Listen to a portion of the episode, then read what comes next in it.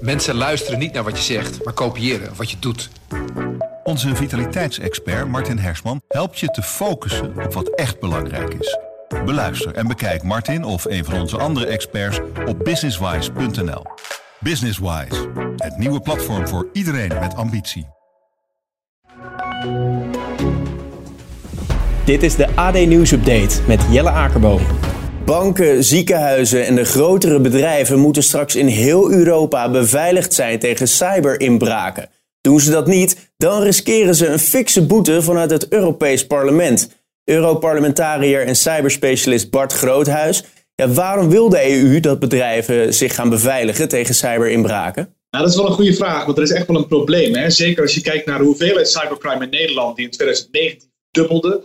Um, ransomware die in 2020 verdrievoudigde en een nieuwe piek na de corona-uitbraak. En we zien gewoon grote problemen met Mediamarkt, met universiteiten, met uh, gemeenten zoals Hof van Twente, maar nu ook inderdaad VDL. Het gaat maar door. En het is een verdienmodel geworden waar maar geen einde aan komt. En ons verdienvermogen van ons, uh, van ons bedrijf en instellingen, maar ook de data van consumenten en burgers, die moet veiliger worden bewaard. Maar is zo'n wet dan nodig? Want moeten die bedrijven dat zelf niet gewoon al op orde hebben? Daar hebben ze zelf ook baat bij natuurlijk. Ja, dat vinden we ook. En die wetgeving was er ook vanuit Europa, maar die was niet afdwingbaar. Die wet had geen tanden. We doen nu een update en we maken het chefzagger. Dat betekent dat het echt een verantwoordelijkheid wordt van de CEO van een bedrijf, een baas van een bedrijf. Die wordt ook aansprakelijk als hij er een rotzootje van maakt. Dus het is echt belangrijk dat we nu ook gaan afdwingen dat er nieuwe maatregelen komen bij bedrijven, maar ook bij gemeenten ministerie, maar ook energie, water, ziekenhuizen. Die moeten een stuk beter beveiligd worden dan voorheen. En wat is nou de rol van de politie bij uh, zo'n beveiliging? Nou, we hebben in Nederland, hè, mag ik dat eens zeggen, een van de mooiste, beste politiekorpsen ter wereld. En we hebben in Driebergen, Zeist Team High Crime, absolute wereldtop. En die pakken af en toe ransomware groepen aan uit Rusland en die uh, hebben dan miljoenen slachtoffers gemaakt. Maar de politie loopt het over. De hoeveelheid aangiftes, de hoeveelheid inbraken digitaal die er zijn, die, uh, dat, die kunnen ze ook niet aan. Hetzelfde geldt voor de andere veiligheidsdiensten in Nederland en in heel Europa. En we moeten iets doen om dat te, te stoppen, om ze daar weer mee te kunnen laten omgaan. En daarom hebben we deze wetgeving nu. En proberen ook met informatieuitwisseling uh, hackers uh, voor te zijn, slim af te zijn. Te zorgen dat de beveiliging beter is. De boete voor het niet beveiligen wordt 2% van de jaaromzet van een bedrijf. Ja. Waarom is er voor dat percentage gekozen? Ik heb zelf bij Defensie gewerkt als uh, cybersecurity specialist. En wat mij altijd opviel, is dat uh, ransomware hackers, als ze een bedrijf uh, bijvoorbeeld hacken, dan kijken, dan pakken ze, dan vragen ze zo'n 2% van de jaaromzet maximaal. En um, die boete die is echt bedoeld om, om, om een CEO, de baas van een bedrijf, te laten denken: geef ik nou 2% aan ransomware hackers in Rusland? Geef ik het als boete, omdat ik er een potje van maak? Of investeer ik het toch maar liever in wat cybersecurity maatregelen? Denk overigens dat de echte kosten voor bedrijven veel lager liggen. Het gaat om een aantal simpele maatregelen die je kunt nemen om de gegevens van consumenten en burgers beter te beschermen. Maar is zo'n beveiligingseis, Bart, nou een garantie dat je dan niet meer gehackt wordt als bedrijf? Nee, er is, bestaat geen garantie, maar je kunt het hackers aanzienlijk moeilijk maken. En het is ook een waterbed-effect. Kijk, we moeten rekening houden dat de Amerikanen, de Joe Biden is bezig met spoedwetgeving. En je moet nu niet hebben dat Europa aantrekkelijker wordt voor hackers, omdat wij uh, niet snel genoeg handelen. En wij moeten nu snel wetgeving hebben om dit, uh, om dit voor elkaar te maken, omdat uh, we niet willen dat hackers hier naartoe komen en we willen het ze niet aantrekkelijk maken. En hoe snel gaat dat gebeuren? Want op dit moment voer jij namens het parlement de onderhandelingen met de lidstaten. Ja, hoe snel kan dat ingevoerd zijn? als het aan mij ligt gisteren, zo zit ik in elkaar. En zo, dat is de lichtsnelheid waarmee je moet, uh, moet handelen. Maar helaas gaat wetgeving niet altijd zo snel. Het is mijn ambitie om uh, dit uh, heel snel uit te onderhandelen in het voorjaar, misschien de zomer. En dan te zorgen dat lidstaten dit zo snel mogelijk implementeren. Dat betekent dat de Tweede Kamer deze wet die ik nu maak uh, ook nog uh, uh, invulling aan moet geven. En dat, dat kan zo nog maar anderhalf jaar duren. En dat gaat me te langzaam. Maar het geeft ook een effect dat bedrijven al kunnen zien dat dit eraan komt. Dat het een vereiste is. En ze kunnen maar beter alvast handelen. Ik hoop ook dat het een effect heeft, een signaalfunctie. Van handel nu, want we zitten nu midden in een soort ransomware pandemie. Duidelijk. Bart Groothuis, dankjewel voor je toelichting. De problemen bij spoorwegbeheerder ProRail zijn veel groter dan aanvankelijk werd gedacht. De afgelopen maanden vielen er al meerdere treinen uit en intern blijkt er sprake te zijn van een totaal verziekte werksfeer. Jerry Piquet, bestuurder van vakbond CNV Vakmensen. En wat zijn volgens jou de problemen bij ProRail? Ja, men heeft de afgelopen jaren niet goed geacteerd op de ontwikkelingen bij ProRail. Er zijn mensen aangenomen op HBO-niveau die snel weer doorstroomden, waardoor er uh, een tekort bleef aan uh, treindienstleiders. Er is gewoon veel wantrouwen. Uh, men voelt zich niet gewaardeerd. Men heeft het gevoel dat, er geen, dat ze geen zeggenschap hebben, et cetera. Dus het is een opeenstapeling van vele, vele dingen. De verziekte werksfeer, dat is, dat is een groot woord. Kan je daar voorbeelden van geven? Het feit dat wij zoveel uh, last hadden van de situatie bij uh, de verkeersleiding tijdens de onderhandelingen. Terwijl de onderhandelingen daar, de CAO-onderhandelingen daar niets mee te maken hadden. De verkeersleiders hebben gewoon uh, hun, de problemen bij de verkeersleiding aangegrepen om de CAO-onderhandelingen ja, onder behoorlijke spanning te zetten.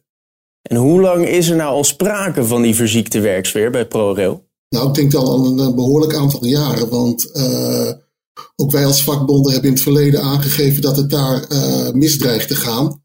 Maar er is nooit naar ons geluisterd. Men heeft altijd gedacht van, nou, er, uh, we hebben misschien wel uh, te weinig personeel in dienst, maar als we de inzetbaarheid vergroten door wat CAO-artikelen te schrappen, dan kunnen we de zaken gaan oplossen. Maar zo heeft het niet gewerkt. Nee. We hebben altijd gezegd dat men zich niet gewaardeerd voelt en dat de mensen ook het idee hebben dat ze totaal geen zeggenschap hebben over de dingen die daar gebeuren. Hoe moet ProRail dit nou oplossen? Nou, tijdens de CAO-onderhandelingen of na afloop van de CAO-onderhandelingen hebben wij als CNV aangegeven dat er een, een diepgaand onderzoek moet komen. Een onderzoek naar de werkbeleving bij de verkeersleiding. Zolang er geen maatregelen zijn genomen, zolang die problemen niet zijn opgelost, gaan wij niet meer uh, aan de CAO-tafel zitten. Dus uh, over anderhalf jaar geloof ik zijn er weer CAO-onderhandelingen. En uh, wij willen dan uh, significante verbeteringen zien in de werksfeer bij de, de verkeersposten. Maar wat kunnen ze nu al doen om die werksfeer weer wat op te krikken? ProRail heeft al een aantal maatregelen genomen. Ze hebben de, de salarissen met 300 euro verhoogd, de bruto salarissen. Ze hebben ook aangegeven dat er rust komt wat betreft het indikken van de, van de posten. Dus het blijft zoals het nu is. En ze zullen ook de vervoerders vragen om uh, hun dienstregelingen aan te passen. Ondanks dat uh, wordt er gevreesd dat de komende maanden nog meer treinuitval komt. Gaan we die problemen dan nog lang aanhouden, denk je? Kijk, je hebt niet opeens een blik verkeersleiders opengetrokken. Dus dat, dat, dat gaat geen oplossingen brengen. Ze zijn er wel druk mee bezig, maar dat gaat op de korte termijn geen oplossingen brengen. En ik heb ook begrepen dat het ziekteverzuim met name in Utrecht behoorlijk hoog is wellicht dat er uh, diepgaande gesprekken moeten gaan plaatsvinden met de mensen in Utrecht. Want uh, er is erg veel aan de hand. En ik heb niet het idee dat ProRail er een idee van heeft wat er, wat er speelt op de werkvloer. Jerry Piquet, dankjewel voor je toelichting. Carnavalsvierders door heel het land weten welke dag het is. De 11e van de 11e. En dat is natuurlijk het begin van carnaval. Maar door de corona is hij weer anders dan normaal. Johan Flemings, oftewel Prins Anniversario, goedemorgen. Goedemorgen. Ja, we zitten al wel klaar in ons uh, prinsenpak. Maar uh, ja, het ziet er nog niet zo heel erg best uit allemaal, hè? Je bent net benoemd uh, tot prins. En er wordt vandaag geen carnaval gevierd in Eindhoven. Hoe erg bouw je daarvan? Ja, dit is toch wel de 11 van de 11. Dit is natuurlijk de start van het carnaval. Daar wil je natuurlijk wel bij zijn. Gelukkig hebben we al wel de prinswissel gehad. En het grote feest uh, van, van PSV. Hij 66-jarige bestaande was natuurlijk uh, één groot feest. Met alle carnavalsverenigingen uit Eindhoven erbij. Alleen ja, je wil natuurlijk toch die start van de carnaval meemaken. Ja, dat is nu op dit moment toch een beetje moeilijk. Terwijl, Johan, in andere Brabantse steden, zoals bijvoorbeeld Den Bosch, wordt er wel gecarnavald vandaag. Ja, wat vind je daarvan?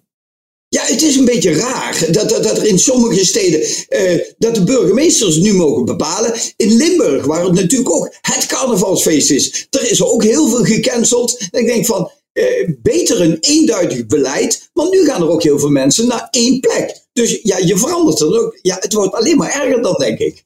Ondanks dat het feest vandaag in Eindhoven in ieder geval niet doorgaat, heb jij toch een carnavalskraker uitgebracht. Laten we even luisteren.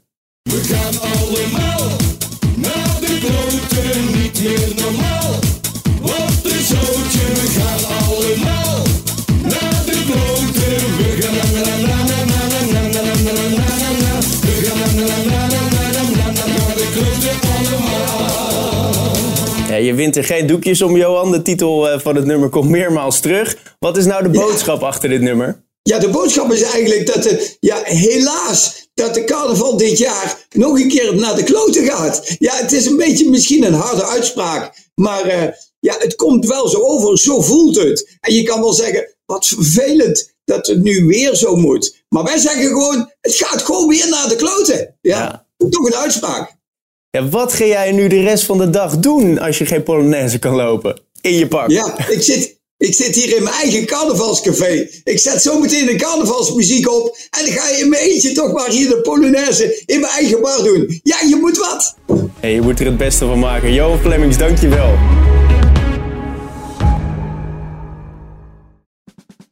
Luister ook naar onze podcast Politiek Dichtbij. In een half uur praten we hierbij over de stand van zaken op het Binnenhof. En niet alleen vanuit de wandelgangen in Den Haag, maar ook vanuit een regionaal perspectief. We zijn te vinden in onze app, op Apple Podcast en op Spotify. En wie zijn wij dan? Wij zijn Leonard Beekman en Tobias den Hartog. Mensen luisteren niet naar wat je zegt, maar kopiëren wat je doet. Onze vitaliteitsexpert Martin Hersman helpt je te focussen op wat echt belangrijk is. Beluister en bekijk Martin of een van onze andere experts op businesswise.nl.